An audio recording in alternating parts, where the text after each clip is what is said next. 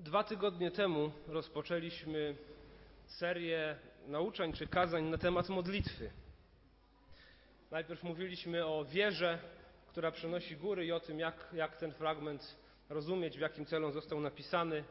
Później e, w zeszłym tygodniu słyszeliśmy kazanie na temat modlitwy dziękczynnej, a dzisiaj na temat modlitwy cichej, albo jak to nazywa nasz pastor, który dzisiaj jest w Nowym Dworze Mazowieckiej, modlitwy w komorze bo takie słowa są zapisane w Ewangelii Mateusza. Zachęcam, otwórzcie ten fragment. Ewangelia Mateusza, piąty, szósty rozdział. Ewangelia Mateusza, szósty rozdział. Być chrześcijaninem i się nie modlić, to jak żyć i nie oddychać. Być chrześcijaninem i się nie modlić, to jak żyć i nie oddychać. I modlitwa jest jedną z najważniejszych dyscyplin życia duchowego. Jest najprostszą dyscypliną, prawda? Wystarczy myśli skierować ku Bogu i już się modlimy. Możemy modlić się na każdym miejscu, w każdym czasie. Nie ma żadnej mniej lub bardziej pobożnej formy modlitwy, liczy się nasza postawa przed Bogiem. A jednocześnie modlitwa jest chyba jedną z najczęściej zapominanych albo zaniedbywanych dyscyplin życia duchowego. Na pewno dla wielu z nas tutaj siedzących w jakimś sensie jest ona problemem. Wiemy, że jest ważna. No ale jakoś często nam nie wychodzi ta modlitwa. I myślę, że nasze życie często jest pełne upadków i wygląda słabo, bo się nie modlimy. A Kościół, który w ogóle przestaje się modlić, traci swoje życie i swoją świeżość. I kiedy spojrzymy na naszego Zbawiciela, Pana Jezusa Chrystusa, to chociaż On za dnia cały czas przebywał z ludźmi, to zobaczcie, że On zawsze, zawsze miał czas na to, aby iść i być samemu ze swoim Ojcem. Czy to wieczorem, kiedy wszyscy się rozchodzili, czy wczesnym rankiem, kiedy już Go szukali, to często znajdowali Go na modlitwie. Jeśli nasz Pan, Bóg i człowiek, Jezus Chrystus, tak bardzo potrzebował modlitwy, to ile bardziej my jej potrzebujemy. Więc to takie jest kazanie, wydaje mi się, trudne. Nie w sensie treści, ale w sensie tego, że wiemy, że często wiemy, że coś jest słuszne, wiemy, że należy się za to zabrać. Próbowaliśmy kilka razy i wyniki są mierne, ale już czasami nie chce nam się słuchać o tym, że trzeba to robić, bo wiemy, że trzeba to robić. To to być może będzie kazanie właśnie w tym stylu, ale mam nadzieję, że nie pozostanie ono puste. Więc chciałbym, byśmy przeanalizowali ten fragment z Ewangelii Mateusza, będziemy go rozważać, a potem też chciałbym się podzielić kilkoma praktycznymi może wskazówkami, jak dbać o swoje życie modlitewne. Na koniec jeszcze jeden cytat Marcina Lutra. Powiedział on, jak szewc robi buty, a krawiec ubranie, tak chrześcijanin powinien się modlić, bo rzemiosłem chrześcijanina jest modlitwa. Panie nasz i Boże, prosimy, prowadź nas przez to rozważanie. Panie, prosimy Ciebie o to, byś wskazał nam i dopomógł nam, by życie wszystkich nas tutaj zgromadzonych było życiem e, modlitewnym. Panie, byśmy nigdy modlitwy nie pomijali, byśmy przywiązywali do niej ogromną wagę, byśmy prawdziwie mogli być ludźmi, którzy zawsze Tobie ufają i to wyraża się w ich modlitwach. Panie, prosimy, zachęć nas, poucz nas, napomnij nas przez swoje słowo. Amen. Amen. Ewangelia Mateusza rozdział szósty. Przeczytamy od wersetu pierwszego do piętnastego, ale skupimy się e, na e, tych wersetach, które są w środku tego fragmentu. Od pierwszego do piętnastego. Baczcie też, byście pobożności swojej nie wynosili przed ludźmi, aby was widziano. Inaczej nie będziecie mieli zapłaty u Ojca waszego, który jest w niebie. Gdy więc dajesz jałmużnę, nie trąb przed sobą, jak to czynią obłudnicy w synagogach i na ulicach, aby ich ludzie chwalili. Zaprawdę powiadam wam, odbierają zapłatę swoją. Ale ty, gdy dajesz jałmużnę, niechaj nie wie lewica twoja, co czyni prawica twoja. Aby twoja jałmużna była ukryta, a ojciec twój, który widzi w ukryciu, odpłaci tobie. A gdy się modlicie, nie bądźcie jak obłudnicy, gdyż oni lubią modlić się stojąc w synagogach i na rogach ulic, aby pokazać się ludziom. Zaprawdę powiadam wam, otrzymali zapłatę swoją.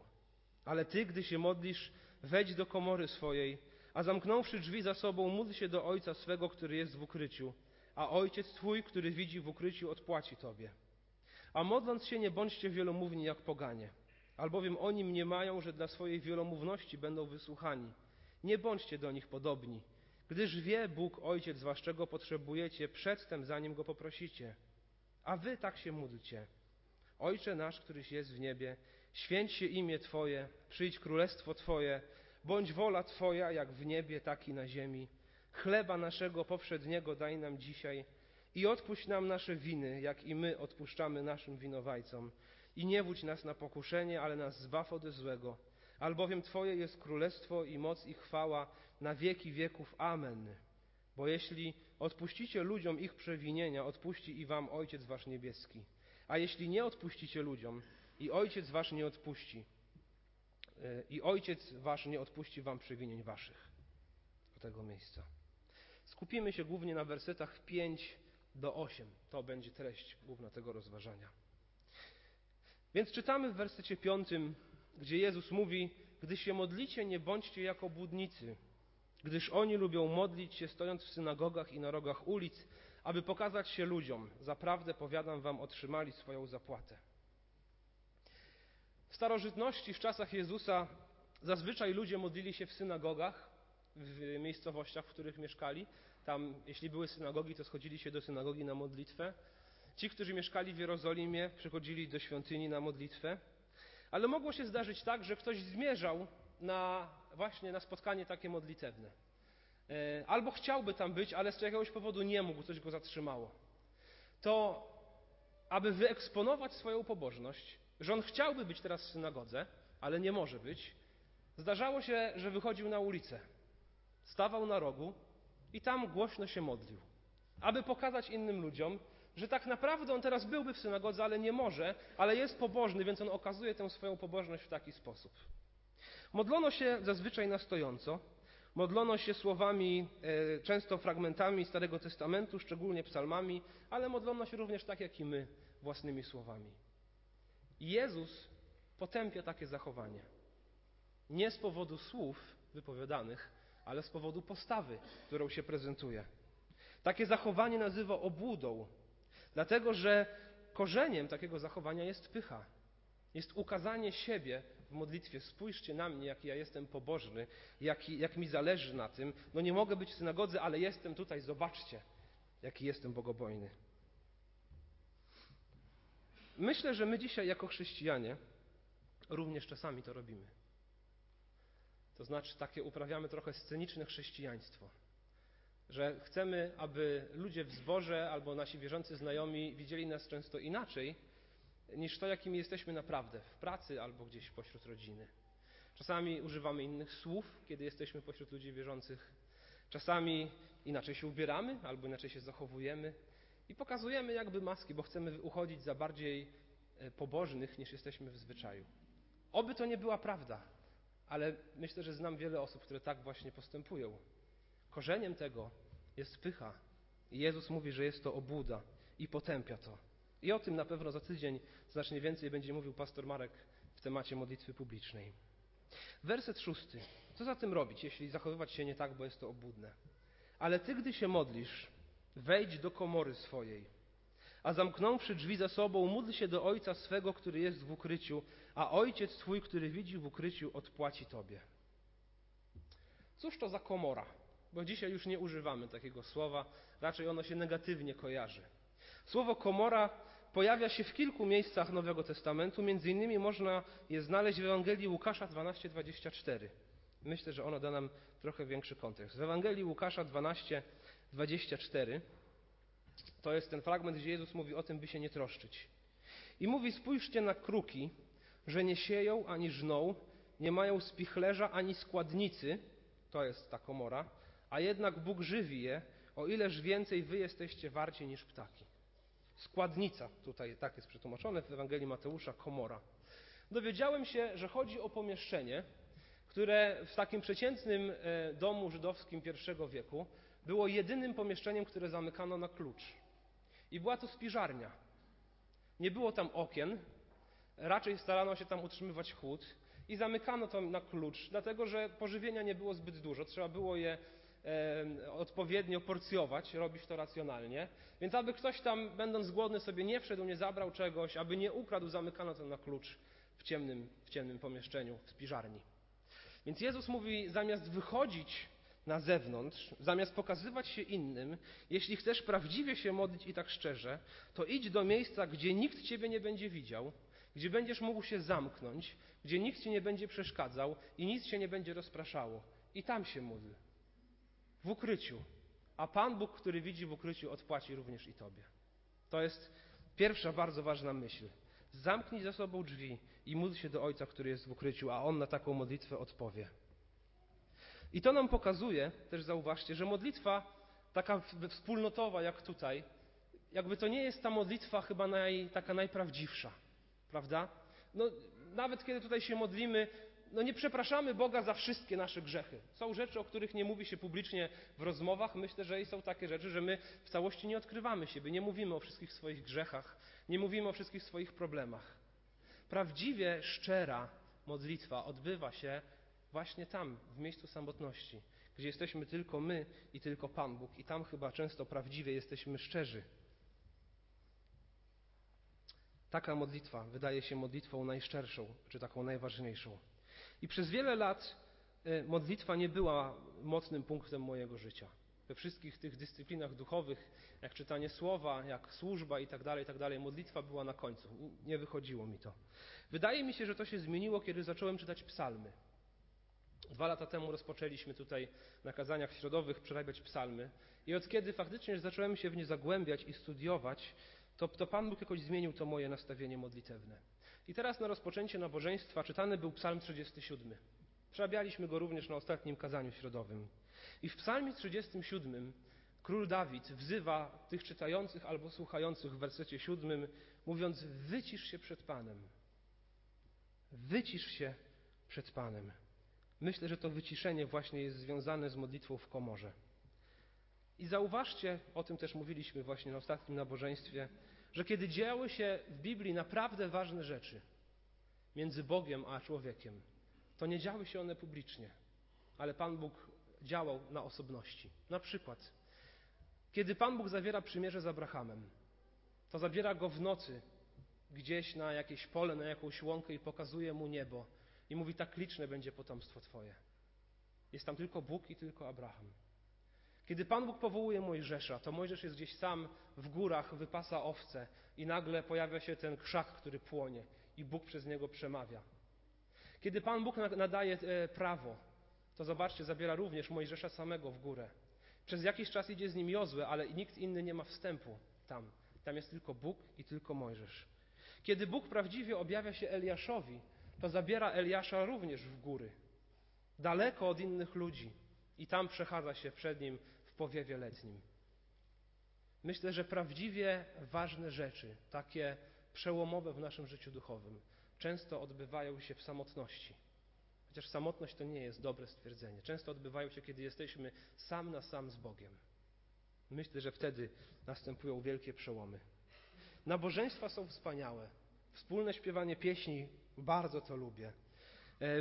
Kazania wspólnie wysłuchiwane i modlitwy składane również. Ale moje prawdziwe życie duchowe odbywa się na osobności.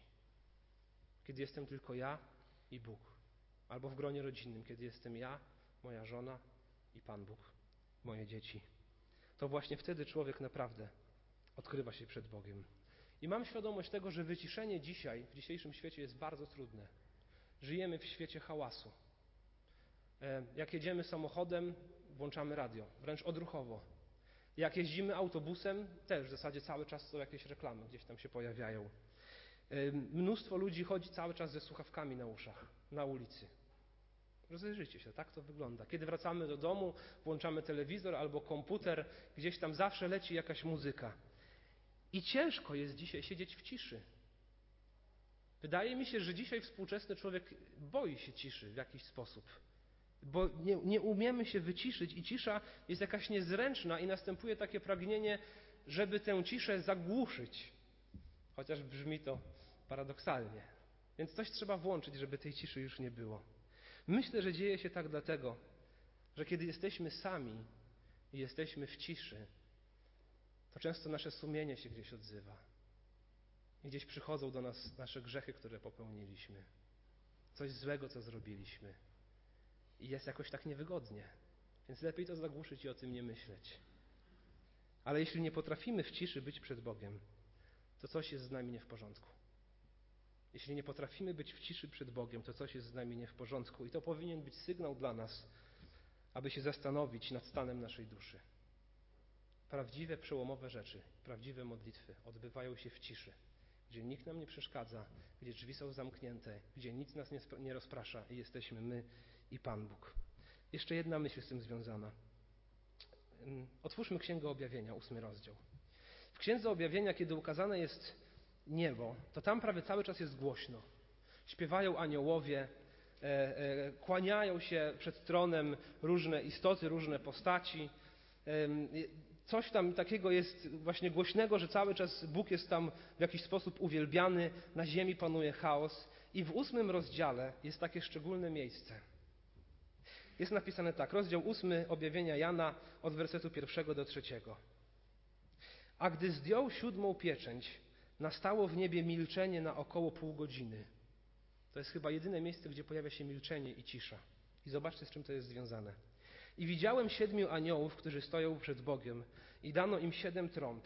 I przyszedł inny anioł i stanął przy ołtarzu, mając złotą kadzielnicę. I dano mu wiele kadzidła, aby je ofiarował wraz z modlitwami wszystkich świętych na złotym ołtarzu przed tronem. To jest niesamowite. Są różne interpretacje tego fragmentu, co on oznacza. Niezależnie od interpretacji, widzimy, że w tym jednym momencie, kiedy zapada cisza w niebie, to pojawiają się modlitwy świętych. Niesamowite. Niesamowite. Jak bardzo powinniśmy dbać o tę ciszę i o to, by móc wyciszyć się przed Bogiem i być sam na sam z Bogiem. Prawdziwie y, rzeczy o takim prawdziwym duchowym znaczeniu. Wierzę, że przychodzą do nas w ciszy. Werset siódmy. A modląc się, nie bądźcie wielomówni jak poganie, albowiem oni mniemają, że dla swej wielomówności będą wysłuchani. Pogańska wielomówność, o której tutaj jest mowa, to odnosi się prawdopodobnie do powtarzania w kółko tych samych fraz. Czegoś, co dzisiaj robią na przykład buddyści, co nazywane jest mantrą, gdzie powtarza się w kółko jakieś jedno zdanie czy jedno stwierdzenie. I Jezus mówi: Nie myślcie, że będziecie wysłuchani ze względu na swoją wielomówność. Myślę, że to się odnosi do tego, i to również ma dla nas znaczenie, chociaż przekonany jestem, że nie mantrujemy. To jednak chodzi tutaj o nastawienie, jaki, jaki ma ten człowiek mantrujący przed Bogiem. Bo wydaje się, że on powtarza w kółko to samo, aby zwrócić Bożą uwagę na swoją modlitwę że już tak dużo razy to powiedziałem, no, że, że Boże, kimkolwiek jesteś, zwróć uwagę na to, co ja robię. Spójrz na mnie, jaki ja jestem w tym gorliwy. I Jezus mówi, nie bądźcie wielomówni, jak poganie, nie mniemajcie, że dla swojej wielomówności zostaniecie wysłuchani. Myślę, że to również ma praktyczne zastosowanie dla nas. Zauważcie, jest takie polskie znane powiedzenie, jak trwoga, to do Boga. Jak trwoga, to do Boga. Czyli jak dzieje się źle, jak nagle zaczynam, zaczyna się coś dziać nie w porządku, to ja wtedy zaczynam się więcej modlić, więcej czytać Biblii, do zboru przyjdę nawet na środowe nabożeństwo, może na jakąś grupę biblijną pójdę. No bo jak dzieje się źle, no to muszę jakoś temu Panu Bogu się przypodobać, żeby On zabrał to, co jest złe. Nie mamy takiego myślenia? Myślę, że niestety często mamy. I zobaczcie, jak tragiczne i straszne jest takie myślenie. Bowiem pokazuje ono, że ja wiem, co jest dobre, wiem, co powinienem robić, ale robię to tylko wtedy, kiedy jest źle, bo chcę się jakoś bardziej przypodobać Panu Bogu. A jak już dzieje się dobrze, to już wszystko wraca do tej złej normy.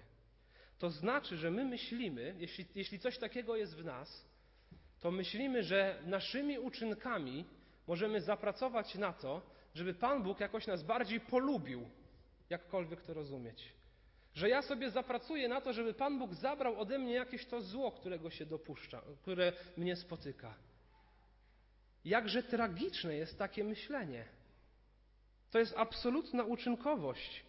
Poprzez nasze uczynki my nie wpłyniemy na wolę Boga, bo Bóg albo w pełni nas umiłował w Jezusie Chrystusie, bo wyznaliśmy Mu swoje grzechy, obdarzył nas wiarą i w Jego oczach jesteśmy na 6 plus, jesteśmy całkowicie czyści i On kocha nas tak, że bardziej nie da się kochać, albo jesteśmy w naszych grzechach, w potępieniu, bo żyjemy dla swojej własnej chwały i nie ma znaczenia, jak dużo będziemy się modlić, bo najpierw trzeba pokutować z grzechu, bo to ma, jest niebotycznie ważniejsze. Nie da się zrobić czegoś, żeby bardziej mnie Pan Bóg kochał. On albo Ciebie kocha w Chrystusie, albo nie, bo nie jesteś w Chrystusie. Nie da się sprawić, żeby Bóg mnie bardziej lubił. Naszą modlitwą nie wpłyniemy na Bożą wolę, żeby On jednak coś zmienił. Straszne jest takie myślenie. Trzeba z takiego myślenia prawdziwie pokutować i się od niego odwrócić. Od uczynkowego myślenia o modlitwie. Bóg wysłuchuje naszych modlitw nie dlatego, że my jesteśmy jakoś bardziej pobożni od innych albo bardziej bogobojni od innych. Ja nie twierdzę, że, że, że, wszystkich tak samo i tak dalej. Oczywiście, że nasze uświęcenie jest bardzo ważne, że możemy spodziewać się czasami jakiejś kary za trwanie w grzechu, może jakiegoś szczególnego błogosławieństwa, jasne, ale nie chciałbym wchodzić w szczegóły. Generalnie, jeśli jesteśmy w Chrystusie, Bóg nas kocha. I my nie zwrócimy Jego uwagi na nas, jeśli będziemy więcej się modlić, bo to nie, nie temu służy modlitwa, żeby Bóg nas bardziej polubił. Zobaczcie, co Jezus mówi dalej. Nie bądźcie do nich podobni, gdyż wie Bóg Ojciec wasz, czego potrzebujecie, przedtem, zanim Go poprosicie. Nie bądźcie podobni do pogan, którzy myślą, że przez swoje gadulstwo, przez swoje dobre uczynki, przez swoje swoje pobożne podejście do modlitwy przez gorliwe zostaną wysłuchani. Nie myślcie tak. Dlaczego? Bo Bóg, wasz Ojciec, wie, czego potrzebujecie, zanim jeszcze Go poprosicie. Bo Bóg wie, czego Ci potrzeba, zanim Ty sam sobie zdasz sprawę z tego, czego Ci potrzeba. To Bóg już to wie. Zobaczcie, nie bez przyczyny tutaj pojawia się słowo Ojciec. Jeśli prawdziwie Bóg jest naszym Ojcem, a my jesteśmy Jego dziećmi, to On wie, czego nam potrzeba i jak bardzo obraz relacji ojciec-dziecko powinien wpłynąć na nasze myślenie o modlitwie. Bo zbyt często jest to obraz relacji kupiec i jakiś przedsiębiorca, od którego chce się coś kupić. Zbyt często jest to takie targowanie się z Panem Bogiem, albo chęć przekupienia go na swoją stronę, a nie relacja ojciec-dziecko.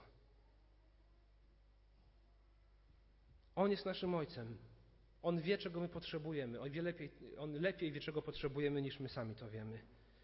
Niech modlitwa nie będzie nękaniem, czy nakłanianiem, czy targowaniem się z Bogiem, ale raczej niech stanowi wyraz naszej relacji z Nim. Że kiedy jest nam źle, to przychodzimy do Niego. Nie po to, żeby On zabrał to, co złe. Przychodzimy do Niego, bo do kogo mamy przyjść innego? To jest nasz Ojciec. U Niego znajdziemy pocieszenie i ulgę. A to, co złe, owszem, On może również zabrać że kiedy jest nam smutno, to przychodzimy do Niego nie ze skargą albo rozczarowaniem, ale przychodzimy do Niego, by jeszcze raz przypomnieć sobie o Jego miłości, Jego cierpliwości i Jego dobroci, a ten smutek On również może zabrać.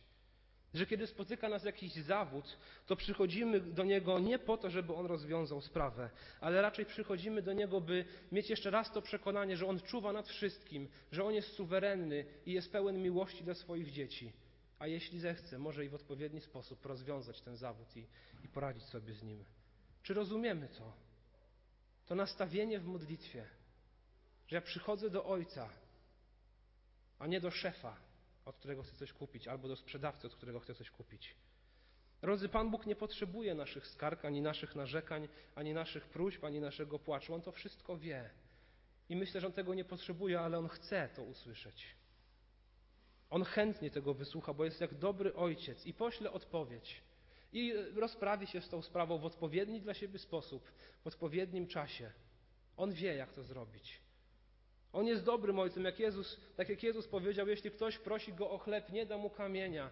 Jeśli ktoś prosi go o rybę, nie da mu węża. To jest dobry ojciec. Przychodźmy do niego w modlitwie jak do ojca, a nie jak do sprzedawcy. Wierzę, że nasze modlitwy zostają wysłuchane, że otrzymujemy na nie odpowiedź nie dlatego, że bardzo się staramy w tej modlitwie, ale dlatego, że Jezus Chrystus zapłacił za to na krzyżu. Że Bóg nas usynowił, jak mówi pierwszy rozdział listu do Efezjan. Byliśmy dziećmi gniewu, byliśmy pod działaniem diabła, ale Bóg wyrwał nas z tego beznadziejnego stanu, obdarzył nas wiarą, dał nam usłyszeć i zrozumieć Ewangelię i staliśmy się Jego dziećmi z Jego łaski. Wszystko z Jego łaski. Dlaczego zatem myślimy, że nasze modlitwy będą odpowiedziane według naszej pobożności? One są odpowiedzialne wedle Jego łaski. A my jesteśmy zachęceni, by przychodzić do Niego jak do dobrego Ojca i rozmawiać z Nim jak z dobrym Ojcem, bo On wie, czego potrzebujemy, zanim my sami o tym pomyślimy. Wierzę też w to, co mówi Pismo Święte w Rzymian 8:28, gdzie apostoł Paweł napisał: Wiemy, że Bóg współdziała we wszystkim ku dobremu z tymi, którzy go miłują, to jest z tymi, którzy według postanowienia Jego są powołani. No, kocham ten werset. Bóg współdziała we wszystkim ku dobremu z tymi, którzy Boga miłują, z tymi, którzy są powołani zgodnie z Jego wolą. Niesamowity. Bo mam świadomość tego, że kiedy spotyka mnie smutek, kiedy spotyka mnie jakieś zło, kiedy spotyka mnie rozczarowanie, to Pan Bóg nie jest gdzieś daleko, ja muszę do Niego przyjść, aby Go przekupić, aby On zabrał to zło, ale przychodzę do Niego mówiąc, Boże, Ojcze, nie wiem dlaczego mnie to spotyka, ale wierzę, że Ty współdziałasz we wszystkim ku dobremu. I z tej tragedii, i z tego smutku, i z tych łez wyjdzie coś dobrego. Ufam Tobie, trzymaj mnie przy sobie, daj odpowiednie rozwiązanie, niech Twoja wola będzie będzie w moim życiu, a nie moja wola. Ufam Ci, Ojcze i dobry pasterzu, prowadź mnie. Takiej modlitwy potrzebujemy i takiego podejścia do Boga. Znam też fragmenty, które mówią o natręctwie. Tak, są takie dwie przypowieści, gdzie kobieta przychodzi do króla, zostaje wysłuchana przez natręctwo. Ale wydaje mi się, że tam nie chodzi o wielomówność, a raczej tam jest pokazana gorliwość w tej modlitwie i, otwar- i takie nie opieranie się na swoich uczynkach, ale właśnie na tym, że ten król może to zdziałać, więc przychodzę do niego. Nie chcę w to wchodzić głębiej. Więc trzy takie główne myśli. Prawdziwa modlitwa odbywa się w komorze, w jakimś w ciszy, gdzie jesteśmy sami z Bogiem i prawdziwie ważne duchowo rzeczy przychodzą do nas w ciszy. Po drugie, nasze uczynki albo metody wierzę, że nie wpływają na wysłuchanie naszych modlitw. Wpływa na nie relacja ojciec-dziecko a nie relacja kupiec i sprzedawca. I wysłuchane naszych modlitw. Wierzę, że Chrystus umarł za to na krzyżu, by nasze modlitwy były wysłuchane wedle Bożej woli. Nie chciałbym wchodzić też jakoś głęboko w analizę modlitwy pańskiej. Z pewnością znamy ją na pamięć, wielu z Was się nad tym zastanawiało. Chcę tylko zwrócić uwagę na jeden szczegół. Zobaczcie, że ta modlitwa prawie w całości skupia się na Bogu. To jest modlitwa Ojcze nasz, który jesteś w niebie, niech się święci Twoje imię, Niech przyjdzie Twoje królestwo. Niech, niech Twoja wola, jak się dzieje w niebie, tak niech się dzieje na ziemi. To jest modlitwa całkowitego zaufania Bogu. Nawet kiedy jest prośba o chleb, to jest chleb na kiedy? Na dziś. Nie na jutro. Nie, Panie Boże, daj mi chleba na miesiąc cały. Panie Boże, chleba mojego powszedniego, dzisiejszego, daj mi dzisiaj. A jutro będę się modlił o chleb na jutro. Ufam Tobie, że Ty się zatroszczysz. I w tym wszystkim bądź przy mnie w chwili próby. Znamy ten werset 13, już wiele o nim mówiliśmy, on jest tutaj niefortunnie przetłumaczony.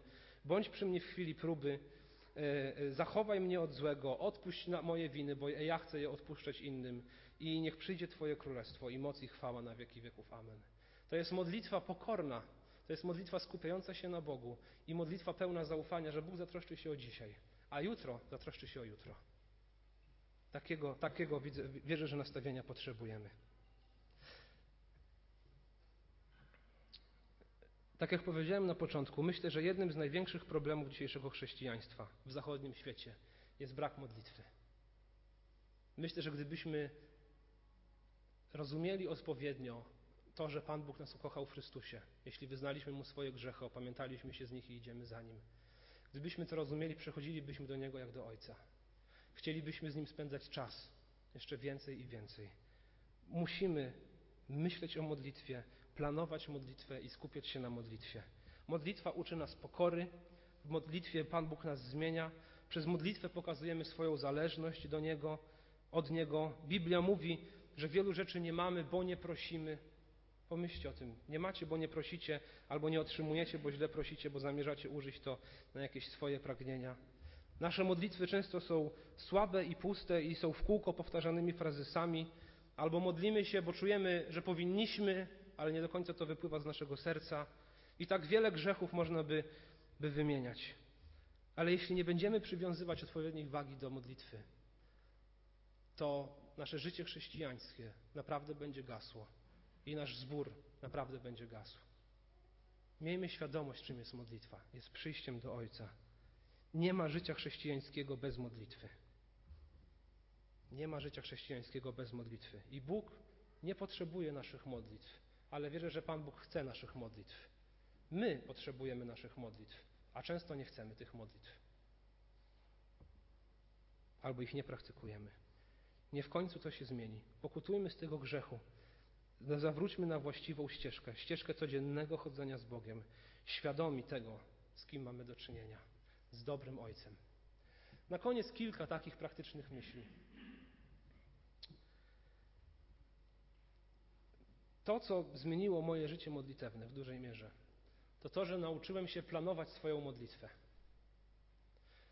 Zacząłem planować, że tej i tej godziny jest czas przeznaczony na modlitwę i tylko na modlitwę. Od tej do tej godziny. Jak sobie nie wyznaczałem widełek, to czasami się kończyło po pięciu minutach i mówię, a no dobra, pomodliłem się, idziemy dalej z życiem. Ale kiedy pomyślałem sobie, wyznaczam sobie pół godziny na przykład na modlitwę albo godzinę na modlitwę, to po pięciu minutach, kiedy widziałem, że jeszcze mam 55 minut, to zaczynałem się modlić o to, a potem jeszcze o to, a potem jeszcze o to i o to i o to i za to dziękować i za to Boga wychwalać. Jeszcze mam dużo czasu na tą modlitwę, który przeznaczyłem tylko na modlitwę. Może ja jestem słaby w organizacji, jestem. Ja potrzebuję zaplanować swoją modlitwę, bo kiedy myślę sobie, nie mam problemu z czytaniem Pisma Świętego rano. Budzę się, od razu siadam do czytania, modlę się po tym czytaniu, ale zaraz moja córka wstaje, moja żona wstaje, trzeba iść do pracy, ktoś dzwoni i tak dalej, i tak. Ale kiedy zaplanuję sobie czas na modlitwę, kiedy przychodzę do siebie do kancelarii i mówię, najpierw zaczynam od modlitwy, poświęcam na to 45 minut, to naprawdę ten czas leci bardzo szybko. Zachęcam Was, w moim życiu to działa. Planujcie swoje życie modlitewne.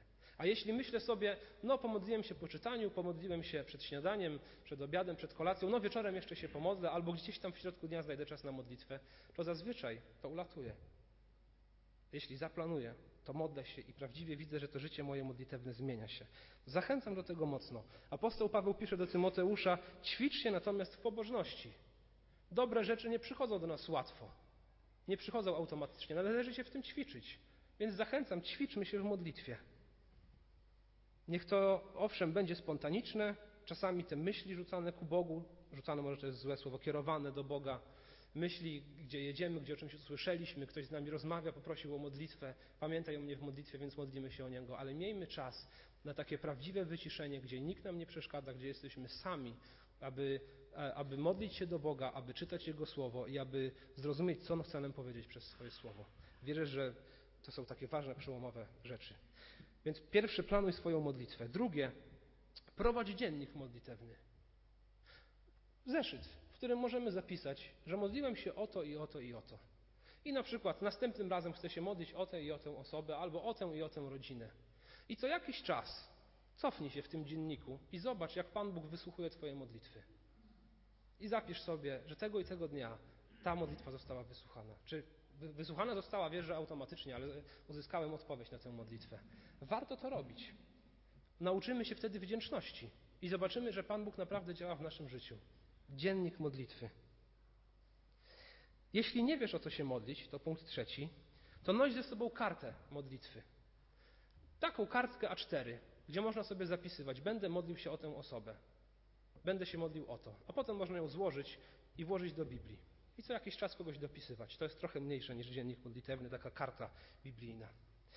Punkt czwarty, jak uczyć się modlitwy. Czytaj psalmy i modlitwy, które e, zapisane mamy w Biblii. One uczą naprawdę tego, jak się modlić. Pokazują modlitwę pokutną, modlitwę radosną, wołanie takie lamentacyjne do Boga o pomoc. Naprawdę mi to bardzo dużo daje. Czytajmy psalmy i modlitwy. Prawie w każdym liście apostoła Pawła znajduje się przynajmniej jedna jego modlitwa. I punkt piąty. Warto czytać książki chrześcijańskie mówiące o modlitwie. Naprawdę mamy ich sporo. W naszej księgarni również. Warto czytać dobrą literaturę mówiącą o modlitwie. Nasze problemy duchowe prawdopodobnie nie jesteśmy pierwszymi, którzy je odczuwają. Prawdopodobnie ktoś inny już to odczuwał, prawdopodobnie napisał o tym, o tym książkę. Warto w to inwestować. Naprawdę. Drodzy, prawdziwa modlitwa odbywa się w komorze. Prawdziwe, ważne duchowe rzeczy przychodzą w ciszy. Nasze uczynki i metody nie wpływają na wysłuchanie naszych modlitw. Wpływa na to relacja ojciec-dziecko. Wysłuchane modlitwy są z łaski Bożej, bo Chrystus za, za nas umarł, bo zostaliśmy usynowieni. Niech modlitwa będzie skupiona na Bogu i niech okazuje Mu nasze zaufanie, że jesteśmy gotowi przyjąć Jego wolę. I po piąte, uczmy się modlitwy.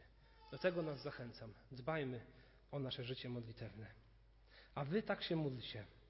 Ojcze nasz, któryś jest w niebie, święć się imię Twoje, przyjdź królestwo Twoje, bądź wola Twoja, jak w niebie, tak i na ziemi. Chleba naszego powszedniego daj nam dzisiaj i odpuść nam nasze winy, jak i my odpuszczamy naszym winowajcom. I nie wódź nas na pokuszenie, ale nas zbaw ode złego, albowiem Twoje jest królestwo i moc i chwała na wieki wieków. Amen.